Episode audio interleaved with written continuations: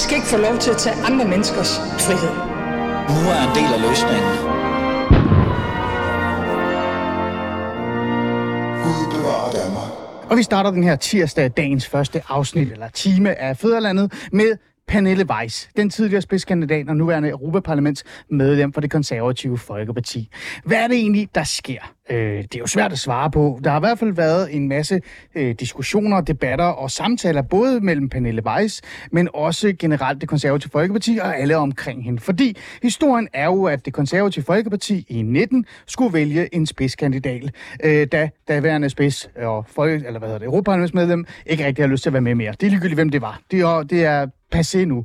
Man valgte Pernille Weiss, fordi man gerne vil have en skarp og, og dygtig politiker, men også eventuelt måske en kvinde. Jeg ved det ikke. Det er jo det nogle af de ting, vi skal tale om i dag. Hun blev valgt, og hun kom ind, og hun fik den her meget vigtige plads i Europaparlamentsvalget, i den her meget store gruppe, EPP-gruppen, som er jo faktisk, så vidt jeg kan huske den største Europaparlamentsgruppe, der overhovedet eksisterer. Det er en borgerlig gruppe. Det var vigtigt for Danmark, det var vigtigt for Danmarks økonomi, osv., osv., osv. Vi spoler frem til 2023, og vi kan i hvert fald konstatere nu, at alt ikke er så idylsk, som det var engang. For at kunne få nogle svar, men også reflektere lidt over det hele, så har jeg jo selvfølgelig min chef. Jeg kalder ham min chef. Min politisk redaktør med Alexander Vils Lorentzen. Velkommen til. Tak skal du have. Du er jo politisk redaktør på 24-7, og så har jeg jo valgt at trække 7 en halv måned endnu i hvert fald. ja, så har vi været skraldemænd. Lad det ligge.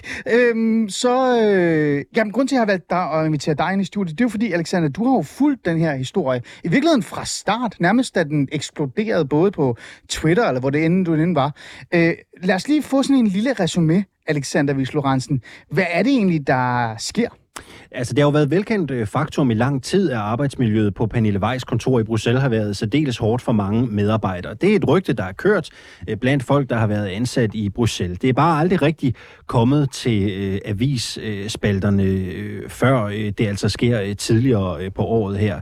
Øh, der er en række medarbejdere, der tager bladet fra munden og øh, fortæller, det gør de i en intern redegørelse til det konservative Folkeparti, hvordan øh, de har oplevet, at Pernille Weiss har været mobbende, hun har øh, chikaneret øh, medarbejdere, hun har spillet folk ud mod hinanden. Vi kan tage nogle konkrete eksempler senere. Jeg har selvfølgelig også talt med nogle af de medarbejdere, som, som har arbejdet dernede øh, øh, tidligere.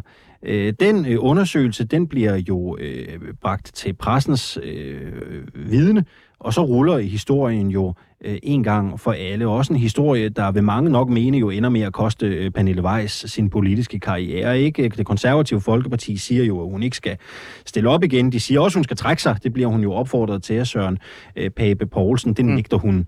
Øh, hun øh, stiller op i et, øh, hvad skal man sige, legendarisk interview øh, på øh, TV2 News hos øh, Søren Libert, hvor ja. det eneste, man ligesom får ud af interviewet, er, at hun ikke er en dum og led øh, gælling, og hun altså også har følelser, og man jo må forstå, at det er hårdt arbejde arbejde i Europaparlamentet, og hun jo mm. nok har været stresset øh, til tider. Ja. Det, der så sker nu, det er jo, at en række, og øh, det er jo meget, meget få, en række lokalforeninger, jeg tror kun, når vi taler om lokalforeninger som sådan, mm. så er det Fanø, og så er det øh, Varde, som har valgt at sige, jamen vi kan godt støtte op og indstille Pernille Vej som spidskandidat igen. Derudover er der en række andre lokalpolitikere i Danmark, som også bakker op om det. Et absolut øh, mindretal. Det er meget, meget få mennesker, der taler om. Men det er folk, som mener, at processen, det er det, de holder fast i, når man taler med dem. Processen omkring øh, beslutningen om at nægte Pernille Weiss at stille op igen, den har været for forhastet forhastet. Altså, og du har talt med, øh, med Faneø, og du har talt med nogle af dem her. Hvad, hvad er det, de siger, der er forhastet? Jamen, de er for det første utilfredse over, at de ikke har fået indblik i øh, selve den interne undersøgelse. Ah. Det hævder de. De har ikke fået lov til at, at læse den. De har kun fået refereret, hvad der ligesom er øh, hovedkonklusionerne. Men man har ikke fået lov til at læse sådan mere i dybden, hvad mm. det handler om. Mm. Så vil nogen sige, det har de måske læst i pressen, fordi der har de tidligere medarbejdere jo været ude og været ret åbne omkring, hvad ja. det er, øh, de har oplevet. Fælles for dem alle sammen er jo, at de ikke rigtig vil være så konkrete. Indtil videre har jeg talt med to. Jeg har talt med en fra Bornholm, øh, det konservative Folkeparti på Bornholm, og jeg har talt med en fra Fanø. Mm. Og de vil ikke være så konkrete på, hvad det er, de helt præcist er utilfredse med. Nej. Øh, men de er utilfredse med processen, mm. og derfor mener de, at Pernille Weiss øh, måske skulle have en chance mere. Mm. Øh, det er jo interessant, det her med øh, selve processen og Pernille Weiss, og også reaktionerne fra Søren Pape, og faktisk også nogle af folketingsmedlemmerne, øh, som vi nok skal komme ind på lige om lidt. Men jeg bliver faktisk lidt nysgerrig nu. Øh, Alexander, øh, du har jo selv arbejdet i EU kan man sige. Er det ikke rigtigt? parti, jo, i Jo. Venstre, det er rigtigt. Det, hvad var det, du var der? Bare lige for at få det med. Og jeg var øh, presseansvarlig, øh, er, vel, er vel den ret, rigtige betegnelse. Ikke? Mm. Jeg, jeg, jeg arbejdede for, for Venstres sekretariat op mm. til valget i, i 19 og, og forsøgte at, Mm. at, at, at systematisere pressearbejdet. Mm. Altså, jeg ville synes, det var lidt øh, dumt, hvis jeg ikke på en eller anden måde også øh, tog den her vinkel med, så det gør jeg nu. Øh, og derfor så bruger jeg lidt din øh, baggrund til at få lidt indblik i det her. Alexander, det er jo ikke den første Europaparlamentsmedlem, vi hører, der er problemer med. Vi har også haft Karen Melker, som var tidligere... Øh, eller hun er jo teknisk set stadig Europaparlamentsmedlem, men i hvert fald under Radikal Venstres øh, vinger, kan vi jo så sige. Mm. Der var også nogle problemer med det her kollegiale, og det her med at være leder, og faktisk også øh, arbejdspresset. Men din erfaring inden for det her, øh, for det område der, er der noget om snakken, at det godt kan være hårdt og barsk miljø at arbejde i? Der er jo et uh, gammelt citat, der lyder, at i Bruxelles kan ingen høre dig skrige. Og det, Det er er, jo også ganske rigtigt. For, for når du bliver ansat som øh, assistent, det hedder man jo uanset hvilken rolle man indtager som ansat for en parlamentariker, så bliver du ganske vist ansat af parlamentet på en kontrakt. Men det er jo partiet i Bruxelles, der er din daglige ledelse. Mm. Og det betyder jo også, at du sidder jo langt væk fra øh, partiapparatet i øh, København. Øh, der, er ikke, øh, der er ikke medarbejdermøder øh, nødvendigvis en gang om ugen, som der Ah. kan være i andre partier. Øh, der sidder ikke en HR-medarbejder specifikt. Der sidder en sekretariatsleder på de fleste danske partiers kontorer, som jo også både skal varetage stemmelister og pressearbejde og politisk rådgivning Ah. og alt muligt andet. Mm. Så du er jo meget øh, overladt til øh, dig selv. Og det man jo også hører i sagen om Pernille Weiss, Ja. Det er jo, at de medarbejdere, der tidligere har arbejdet dernede, øh, der har jeg talt med en, som decideret siger, at vedkommende blev nægtet at tage kontakt til partiet hjemme i Danmark. Altså man måtte simpelthen ikke rette henvendelse til øh, ledelsen i Danmark øh, for at tale om forholdene på kontoret i Bruxelles. Mm. Øh, man måtte ikke øh, drikke kaffe med andre, snakke om forholdene, man måtte ikke række ud, uden Pernille Weiss var bevidst om det. Mm. Øh, Så man sidder jo enormt meget alene Mm. øh, dernede. Mm. Og så er der jo en, en anden arbejdskultur. Det er jo ikke nogen hemmelighed. Og lad os holde fast i, Ali, du har selv været omkring dansk politik i mange Ja. år. Det er jo ikke en branche, der er præget af øh, arbejdspladsmiljøvurderinger og øh, øh, mange HR-medarbejdere og trivselsundersøgelser. Det er et sted, hvor øh, tonen er hård, hvor tonen er kontant, og hvor mange ledere, som politikere jo bliver, ikke er vant til at være ledere. Mm. De er ikke vant til at lede andre mennesker. Så det er jo et specielt arbejdsmiljø. Mm. Det kan man ikke komme udenom. Det vil jeg også øh, gerne tage på min egen skole og sige, sådan har jeg også oplevet at arbejde i politik, mm. naturligvis. Ja, men det er jo bare, øh, og det er jo super, øh, hvad kan vi sige, spændende indblik at få i det her, øh, det her arbejdsmiljø, som igen og igen bliver nævnt. Og du har fuldstændig ret, jeg har jo selv øh, erfaring med det politiske. Jeg er jo ikke øh, øh, overhovedet, øh, hvad kan vi sige, aktiv i dansk politik længere, men det sjove og det interessante er jo, øh, nu er det jo et holdningsbordet program, jeg var jo opstillet med Pernille Weiss til Europaparlamentsvalget, dengang hun var opstillet. Jeg var nummer to på, på listen, så jeg arbejdede i virkeligheden også tæt med Pernille Weiss, og kunne se, hvilken form for type øh, Pernille var. Øh, og øh, jeg har jo faktisk spurgt Pernille Weiss, om hun har lyst til at deltage i programmet i dag. Jeg har spurgt hende en del gange, også tidligere i forhold til at være med. Hun kan desværre ikke, øh, hun har i hvert fald ikke svaret. Hun har øh, set, øh, at jeg har skrevet, men hun ikke måske har haft lyst til at deltage. Men det, jeg kan sige, øh, det er jo det der med, at hvis man netop kommer i en magtposition, lad os sige det på den måde, øh, hvor man har øh, en, en ledelse, man skal et eller andet sted forholde sig til, en daglig ledelse, så kan man godt øh, slå sig på sine medarbejdere, og medarbejderne kan også godt slå på dem. Øhm, og derfor så har jeg lyst til at spørge dig om noget her. Er, er, før vi går ind i det, det politiske, øhm, kan der være måske noget om snakken, Alexander, at, at partier måske øh, i deres ivrighed efter at få nogle kandidater på listen og få dem valgt ind, ikke overvejer, hvad deres ledelseskvalifikationer i virkeligheden også er. Det- Øh, fordi at det er jo, igen som jeg siger, det er jo gentagende gange, vi har oplevet det her med, at der er i hvert fald Europaparlamentsmedlemmer, som kvejer sig, lad os sige. Altså, man kan jo sige det på den måde, du ved det jo i virkeligheden bedre. Du har selv været kandidat, du har selv stillet op, men, men ja, det er jo ikke noget, man skeler til, når man vælger øh, kandidater. Øh, det er vigtigst, at man har et navn, der kan trække stemmer. Man kan sige, var Pernille Weiss det, da hun stillede op? Nej, det, det Er hun var hun jo i virkeligheden ikke. ikke? Ja. Men, men det, var, det var jo nok svært at finde nogen, der havde lyst til at påtage sig den, mm. den post. Men, men nej, det er ikke mit indtryk, at, at man går til jobsamtale, når man skal være kandidat for et politisk parti mm. øh, på den måde. Det er nogle andre ting, der er, der er vigtigere, end at du nødvendigvis er en god leder. Mm. Øh, langt, øh, du, kan, du kan spørge mange medarbejdere uden for citat, også på Christiansborg, om hvordan arbejdsmiljøet er mm. i dansk politik, og mange vil sige, at det er dårligt. Men der er bare ikke nogen, der har lyst til at sige det til citat, fordi alle jo har en eller anden forventning om, at hvis de ikke skal være på Christiansborg mere, mm. så skal de måske ud i et public affairs bureau, de skal måske arbejde i en NGO eller en interesseorganisation, hvor du stadigvæk skal kunne sparke dørene ind på Christiansborg. Ja. Så derfor er det sådan en, en uudtalt, mm. øh, en uudtalt øh, mm. øh, hverdag. Mm. Lad os gå hen så i uh, selve reaktionerne i virkeligheden. Uh, nu har vi jo talt om Pernille Weiss og Pernille Weiss' uh, ståsted, og jeg kunne godt stå her og komme med anekdoter, hvordan jeg har oplevet Pernille Weiss. Det vil jeg faktisk gerne komme med, for jeg synes faktisk, det giver også mening. Og det vil vi gerne høre Ja, men det tror jeg også, du gerne vil høre. Vi har jo netop, netop været helt stille, og det tror jeg mange af os, der har været opstillet med hende, har været stille omkring.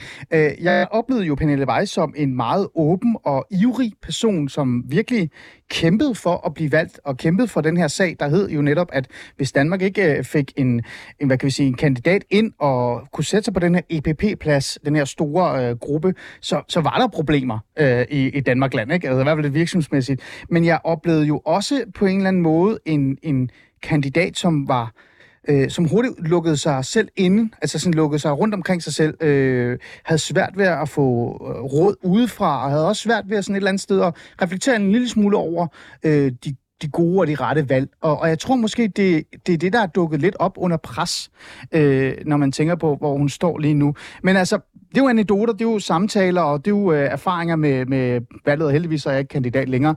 Men hvis vi så kigger på selve reaktionerne fra partiet, øh, Alexander. Søren Pape Poulsen, øh, som er formand for, for partiet, har været ude at sige, lad os nu holde det her internt. Det er ikke så gået særlig godt. lad os sige det på den måde. Det er i hvert fald mhm. kommet eksternt.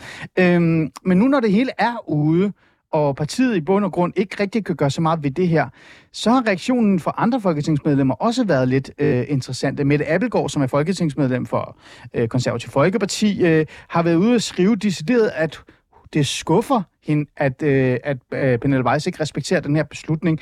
Øh, Mona Jul, som er øh, folketingsmedlem øh, for i Østjylland, også en kvinde, jeg har været øh, på valglisten med, kan man sige, hun skriver til stedet, at, øh, at hun burde genoverveje det her, fordi der er ting, der ikke er kommet op øh, for hendes egen bedste mm. i virkeligheden. Og Maja Mercado, tidligere øh, minister faktisk, har også været ude at sige, at øh, det er utroligt, at hun ikke kan reflektere over de her ting. Øh, jeg har lyst til at spørge dig, Alexander, med den øh, baggrund, du har. Er det her normalt, at man oplever, at kollegaer, eller hvad man kan kalde det, går ud på sådan en måde øh, og nærmest siger, hallo, kammerat, tænk dig lige om, hvad du laver. Det er jo ikke en normal situation i dansk eller europæisk politik, det her vel. I langt de fleste tilfælde vil øh, kandidaten jo have valgt at trække sig. Vi har et øh, tilfælde, der ligner. Det drejer sig om Karen Melchior, ja. som jo også blev bedt om at tage sit gode tøj og gå, og det gjorde hun jo så også det gjorde hun, ja. til sidst. Karen Melchior blev, blev løsgænger. Det her er ikke på nogen måde en normal situation, og man må jo også sidde og spekulere over, hvad Weisses bevæggrunde er for at gøre, som, som hun gør. Mm. Øh, nu ved jeg ikke, hvad du tænker. Jeg tænker, det er usandsynligt, at hun bliver indstillet som spidskandidat igen. Det kommer ikke til at ske. Kommer ikke til at ske, nej. øh, Det er også usandsynligt, at hun har en fremtid i det konservative folkeparti. Det tror jeg som en, der betaler kontingent og, mm. og kan gå til, til landsmøder. Ikke? Øh, så, så hvad argumentet er, hvad kalkylen er, det er simpelthen svært ved at regne ud. Mm. Jeg har selvfølgelig forsøgt og ønsket et interview med hende, og har også ragt ud til hende flere omgange, mm. men har aldrig fået øh, mm. et svar fra, mm. fra Pernille Weiss. Mm. Jeg har også øh, bedt den konservative ledelse om at stille op til interview. Hvad var svaret, hvad der? Med, øh, nej, øh, tak til at, at mm. stille op til. Men igen, øh, lad mig lige bare lige få dig med, med din erfaring og din viden, også øh, din position. Mm. Overraskede det dig, at, at folketingsmedlemmer øh, med, med altså, så høj en stor en profil, altså øh, Mona Jul er jo blevet nærmest nævnt som potentiel øh, næste partileder, hvis der er, øh, Søren Babe trækker sig, Maja Mercado, tidligere minister, Mette Appelgaard, altså en stjerne inden for partiet, at de går ud og siger, kære ven, hvad laver du? Der er jo, ikke, øh, der er jo kun én mulighed tilbage. Øh, hvis ikke Pernille Weiss selv ønsker at gå, så må man jo ryge hende ud. Og det er jo til synligheden det, tænker jeg, der er i gang i det konservative folkeparti. Tror du det? Ja, det, det, det vil jeg tro. ikke. Man, mm. man håber, at man simpelthen kan, kan øh, komme i gang med at, at, at få... Øh, få talt i krone øh, i forhold til at, at, at få hende råd ud af partiet. Mm. Det, det, det vil jeg tro. Mm.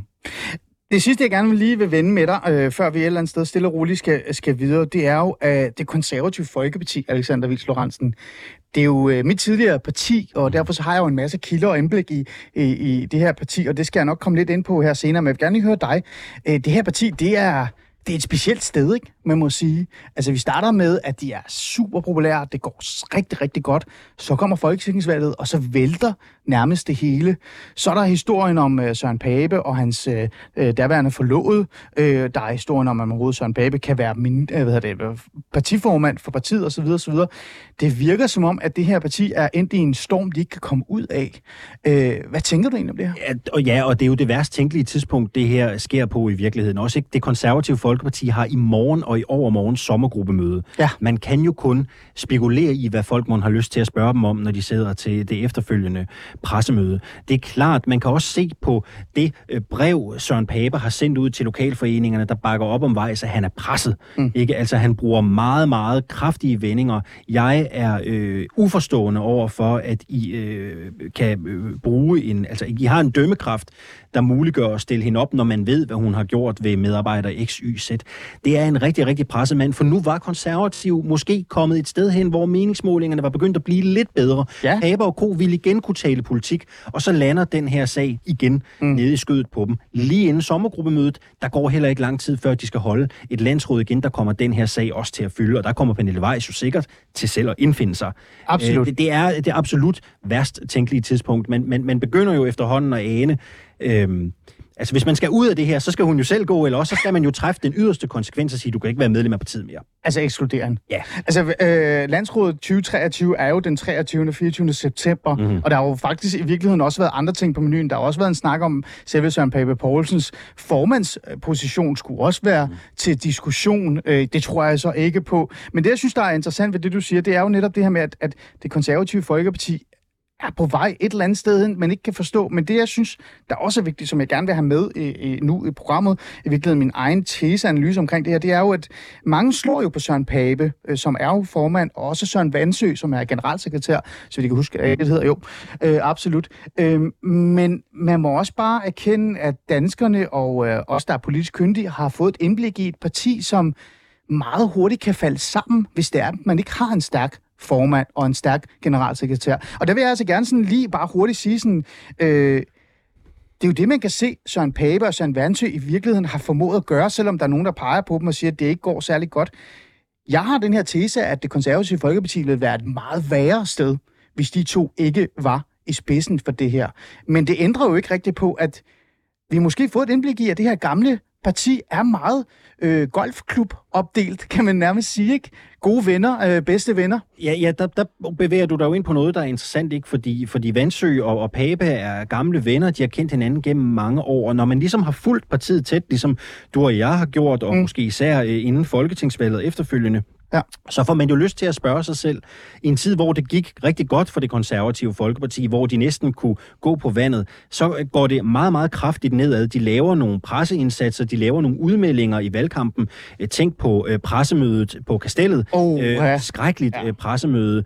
Ja. Øh, man må spørge sig selv i øh, kølvandet på det, om, om, om de rådgivere, om de nærmeste rådgivere øh, omkring Søren Pape og det konservative Folkeparti har den tyngde, der skal til for at kunne løfte det parti mm. videre, altså gøre det til et statsministerparti. Mm. Mm. Øh, der er i hvert fald et eller andet, Mm. der, der, der tyder på, at, at der måske kunne være noget rådgivning, der var forkert. Mm. Nu ved jeg jo, at du er journalist, og det går du øh, ekstremt meget op i, det er og så kigger du på mig og griner lidt, for jeg er sådan lidt mere holdningsbordet. Den debat har vi jo altid. Men nu er du politisk redaktør, øh, Alexander, så lad mig lige være lidt fræk.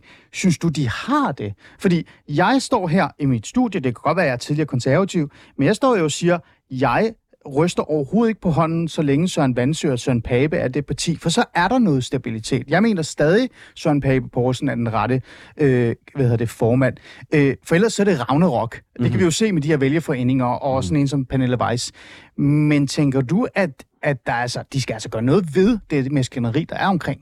Fordi de her, øh, de dukker jo op, de her historier, de her problemer, igen og igen og igen for det konservative. Jeg synes i hvert fald, der er en, en tendens, der godt kunne tyde på, at, at, at man skulle have været mere forudsigende. Lad os tage et par konkrete eksempler. Gerne. Da man stillede op til pressemødet på Kastellet, hvordan kunne man ikke have forudset, at hele sagen omkring Ahmed Samsam og Søren Pape Poulsen og Jakob Ellemanns rolle ville blive øh, brugt som, som, som et, et, et spørgsmål fra pressen? Ja. Det burde man jo, det burde man have set. Mm. Det er en sag, der har fyldt meget. Øh, selvfølgelig vil man, øh, når man kommer som medlem af pressen, forsøge at finde håret i suppen. Det er jo en stor del af det, det handler om at være, øh, det er en stor del, der handler om at være journalist. Mm. Noget helt andet er, under valgkampen, hele sagen om Pape og hans privatliv, øh, kunne man ikke godt have vidst, at der lå noget der? Mm. Altså har man gået øh, skarp nok til sin partileder og sige, øh, det ville jeg nok have gjort, hvis jeg havde været pressechef eller kampagneleder, sige, du skal simpelthen lægge af på bordet. Vi skal vide alt, hvad der kommer ind, alt, hvad der ligger af potentielt dårlige sager, må vi kende til, at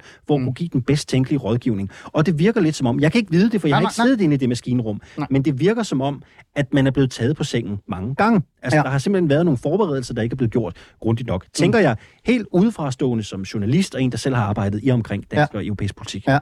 Øh, og, og hvis jeg tager den, du nævner her, alt det, du siger her, og tager den videre, så må jeg også bare ærligt erkende med den baggrundsviden, jeg har, og det indblik, jeg har i det konservative Folkeparti, men også øh, de valgkampe, jeg har været med i, og, og den viden, jeg har for eksempel om faktisk øh, den person, vi taler om, Pernille Weiss, så vil jeg også sidde her og stå og tænke, man kunne måske godt have forudset det her en lille smule. Hvordan?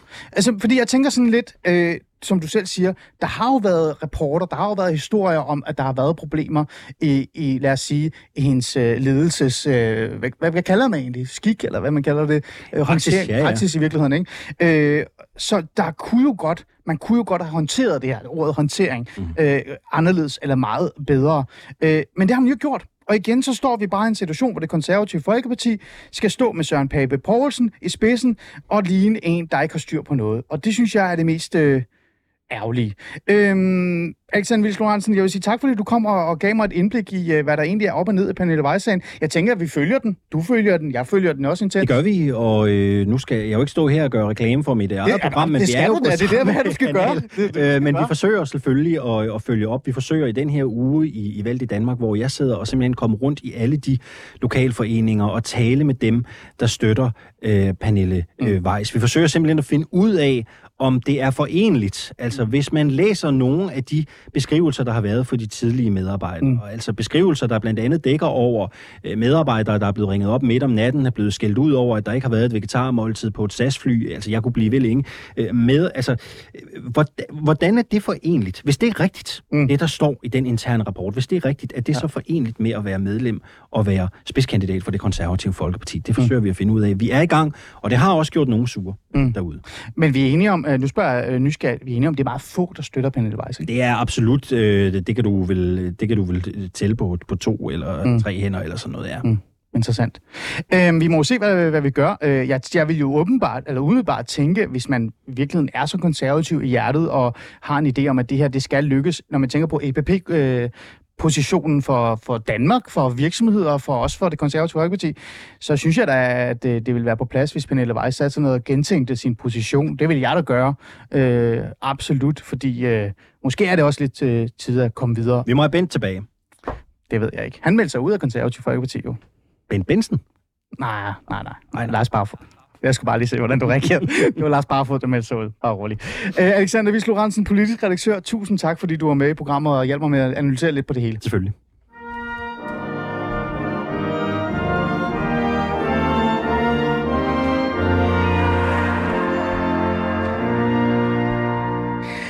Og så fra et drama til et andet drama, kan man jo på en eller anden måde øh, godt sige. Fordi lad mig lige prøve at læse de her ord op. De enorme pengesummer er i gang med at ødelægge fodbolden. Det er ikke en politisk snuptag, der er ikke en politisk snuptagsløsning, som kan sikre dansk klubber med et ejerskab, som tømmer klubberne for værdi og integritet, men det er inspirerende at hente verden Øh, der er inspiration at hente verden over. Jeg kan ikke engang læse det op. Men det er i hvert fald ordene fra Slotte Brumann Mølbæk og Sigurd Agersnap, begge folketingsmedlemmer for SF. Og hvad handler det egentlig om, det her drama? Det, det brugen handler om, og det vi faktisk også har dækket i, øh, i Alice Fæderland, det er det her med, hvordan øh, hvad hedder det, fodboldklubber, i hvert fald internationale fodboldklubber, men også øh, måske endda danske, det er jo det, vi er på vej hen imod, danske fodboldklubber er begyndt at blive øh, købt op, eller skabt en, øh, en nysgerrighed i forhold til investering. Øh, er det så egentlig sundt for fodbolden? Øh, eller hvad kan det egentlig gøre ved fodbolden, talentudvikling osv. osv.? Det skal vi have en samtale med øh, de her to, øh, eller i hvert fald en af dem, som har skrevet den her kronik. Lad mig lige sige pænt goddag øh, til dig, Charlotte. Charlotte øh, Broman Mølbæk, tak fordi du vil være med øh, i dag. Du er folketingsmedlem for SF, og så er du udenfor et eller andet sted. Nej, jeg sidder øh, hjemme øh, på min matrikel i Randers. Fantastisk, godt. Men det, jeg kunne høre sådan en scooter, men når du siger Randers, så er det måske meget godt. Men, jeg ved det ikke. øh, Charlotte, øh, altså, det er, jo, det er jo fædrelandet, ikke? Vi er jo i provinsen. Øh, Charlotte, jeg tænker sådan det her med øh, fodbold, ikke? Pengesummer. Og Ja. øh, det der med at ødelægge fodbolden, virkelig. Øhm, hvad er egentlig mm. det store dilemma i det for dit? Fordi du, altså, du er jo folketingsmedlem, og så har du sat dig og skrevet en kronik om fodbold. Mm. Jamen, jeg er også idrætsordfører, så det hører sådan ind under de områder, som, som jeg arbejder med. Ja, ja, det handler jo om, at vi ser bare... Ja, og kultur lige præcis. Og, og det handler jo om netop, at vi ser bare større og større glidninger i forhold til internationale øh, rigmænd, der interesserer sig for, for vores fodboldklub og opkøber den. Og, øh, og hvis det bare var, at de puttede nogle penge ind, så er det som end ikke det store problem. Det, der er det store problem, det er, at det bliver nogle helt andre interesser, der kommer til at blive styrende. Fordi når man putter en masse penge i en klub, jamen, så er det også, fordi man har nogle interesser. Vi har jo set flere steder, at, at det har haft store fatale konsekvenser. Der er både Esbjerg, øh, Jammerbugt, som blev sådan nær, nærmest en transitklub øh, for, mm. for, øh, for opkøb og, og, øh, og, øh, og hentning af, af mulige talenter, som fuldstændig ødelagde en klub, der var virkelig på vej fremad. Og, øh, og det, det er jo en kæmpe stor udfordring, for så fjerner det sig både fra det lokale, den lokale tilknytning, som er mega vigtig for os alle sammen, og det fjerner sig fra, fra fodbolden og den kvalitet, der gerne skal være øh, lokalt set. Så, så det synes vi, at øh, vi også bør adressere øh, politisk. Øh, Charlotte, nu sagde jeg jo, at jeg kunne høre scooter i baggrunden, når du fra Randers, ikke? Øh, det er jo lidt frækt sagt, men det er jo et eller andet sted rigtigt.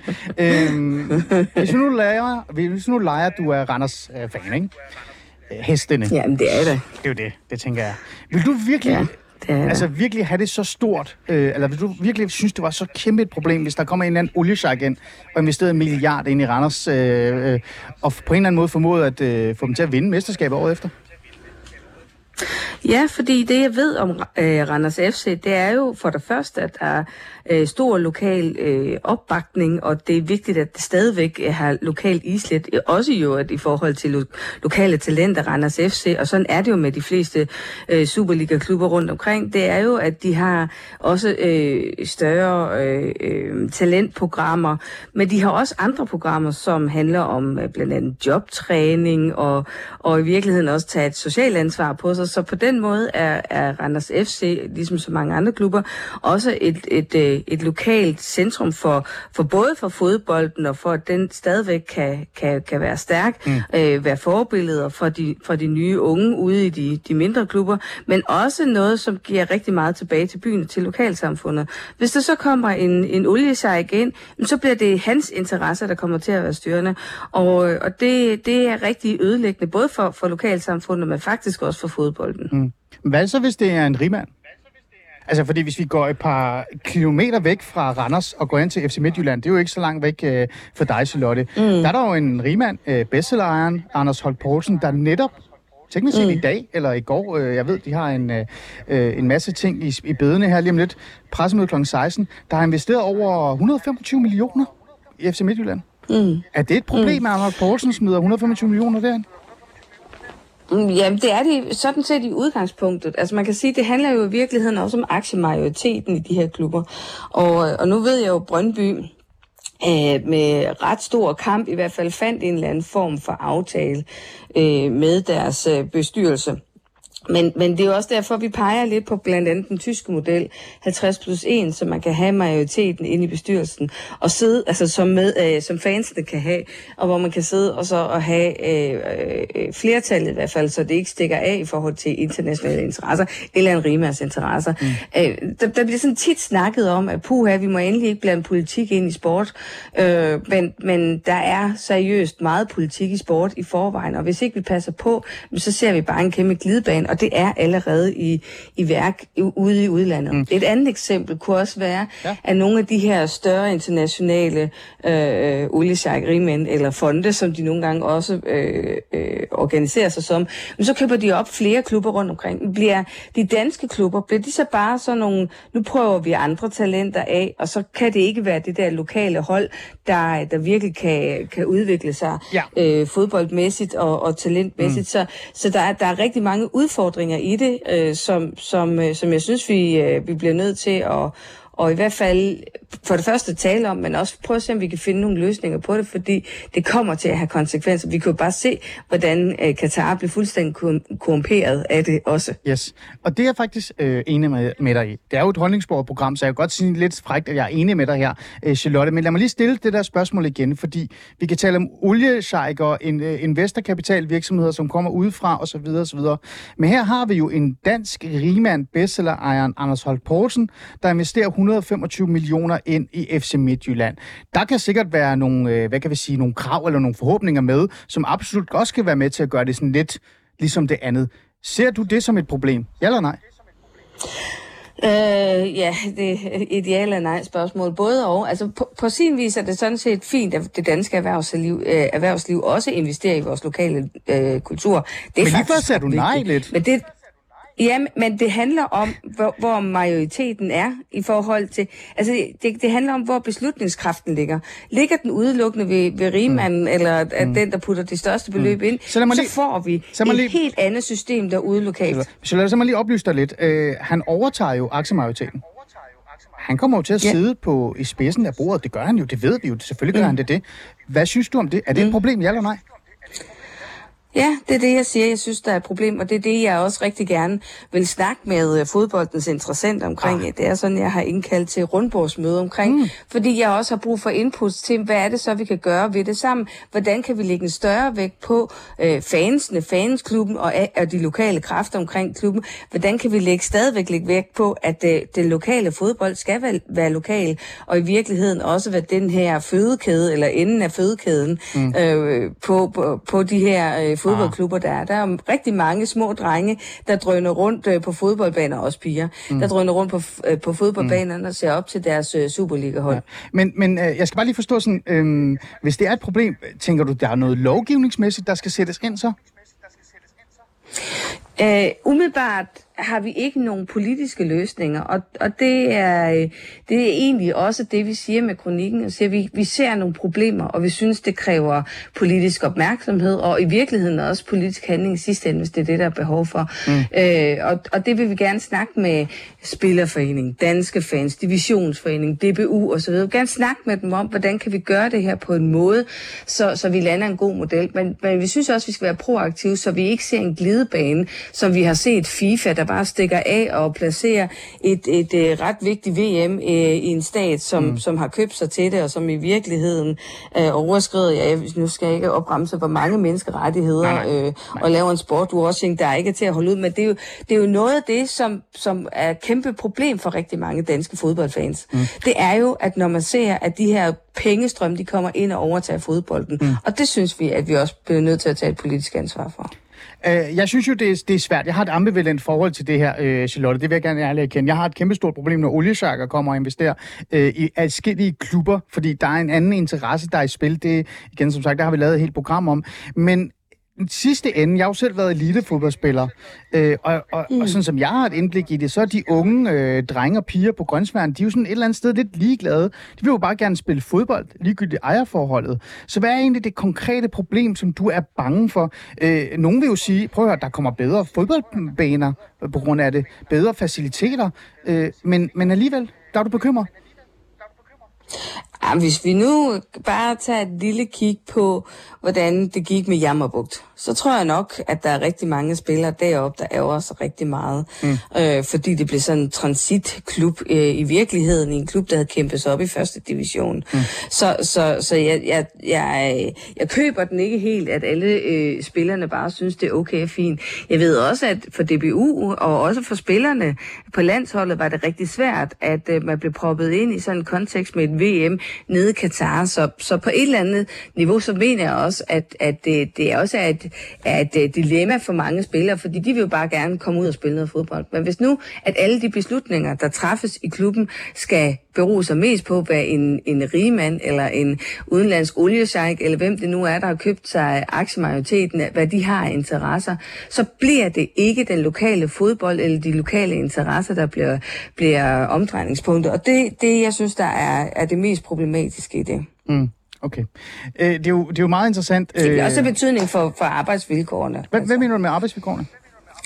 Jamen det ville det da, fordi vi har, altså man kan så sige, nu, nu er Anders, øh, det, det, det eksempel, nu er han jo så dansk, ikke? men der er meget stor forskel på, hvad det er for nogle traditioner, vi har i Danmark for arbejdsvilkår, og hvordan vi, vi behandler hinanden. Mm. Øh, så, så når der kommer internationale interesser ind, der skal styre det hele, så vil det også have en betydning for, hvordan arbejdsvilkårene øh, også vil være ude i klubberne. Mm, okay, øh, men, men det er jo, altså nu nævner du Jammerbugt, og lad mig lige, hvis jeg lige bare til vores lyttere, de hurtigt kan fortælle, uh, historien om Jammerbugt er, bugt er jo meget specielt. Det handler jo om en, en tysk uh, rigmand, som kom ind og købte den her uh, klub, der var på vej opad, men det viste sig jo så senere hen i virkeligheden, at så rig var han overhovedet ikke, og det endte jo uh, med, så vidt jeg kan huske, uh, uh, Charlotte, du må godt rette mig lige om lidt, at uh, Spillerforeningen i bund og grund til sidst fik den her klub lukket ned, og fik den her rigmand ud af systemet, så i virkeligheden ja. så viste det jo også, at systemet øh, virkede. Alt fungerede. Så derfor så er jeg sådan lidt øh, nysgerrig i forhold til det med, at det er jo bare en, øh, det er jo markedsvilkårene, der spiller ind, når Anders, Anders øh, øh Holt Poulsen investerer 125 millioner, og faktisk bestemmer over med Midtjylland, kan man jo nærmest sige på en måde. Men så gør han jo også, fordi han har en interesse i klubben, men på grund af markedsvilkårene har lov til det, og kan ende med faktisk at gavne, øh, hvad kan vi sige, øh, lokalområdet. Altså, det kan jo give en kæmpe boost mm. til øh, markedsføring, til investering, til bedre faciliteter, som jeg sagde, osv. osv. Er det ikke fint nok, at en, en øh, by øh, bliver løftet af, en, øh, af sådan en form for invest, øh, investering i, i en klub? Altså, når, det, når man snakker om markedsvilkår, så er det netop lige præcis, at jeg synes, det er der, hvor vi skal prøve at passe på med, at vi bare overgiver alt til markedet. Fordi ah. så bliver det ikke fodboldens interesser, og det bliver ikke den lokale fodboldklub interesser. Mm. Og markedet, det, det kan ændre sig, øh, men det kan den her øh, rigmand, hvis øh, et tænkt eksempel. Mm. Øh, han, han kan også, øh, hun, han, hun kan have forskellige interesser, som kan have store konsekvenser for, hvordan man administrerer sine midler i klubben, eller mm. hvordan man administrerer køb og salg, hvordan man, man håndterer øh, nogle udfordringer, der er. Og så så synes jeg, at det der er så ærgerligt ved Jammerbuk, fordi systemet virkede på den måde, man fik ham stoppet. Ja. Øh, han fik, altså, men det havde enorme øh, konsekvenser for en masse spillere, der var blevet lovet kontrakter, som de ikke havde, som, som de ikke havde. Så de stod der i Danmark uden kontrakter, så det er jo store personlige konsekvenser, samtidig med, at Jammerbugt er, er erklæret konkurs og ikke er fungerende klub.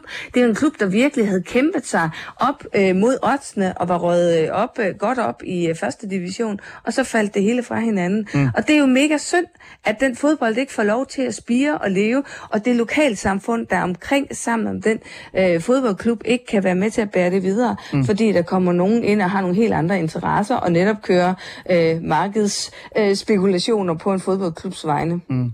Så du siger et eller andet sted, det er, at øh, det kan godt være, at markedsvilkårene giver lov til det, men det her det er større end markedsvilkår. I har også skrevet i kronikken, fodbold er større end livet selv mm. nærmest, og det er det, du øh, ja. gerne vil have øh, ført ind. Jeg spurgte dig lige før øh, lovgivningsmæssigt, om der kan gøres noget. Mm. I nævner mm. i kronikken for eksempel den spanske La Liga, FC Barcelona og Real Madrid, som er øh, hvad hedder det, øh, ejet af fansene, kan man jo næsten sige. Der er jo også øh, tysk fodbold, som også har det her ejerforhold.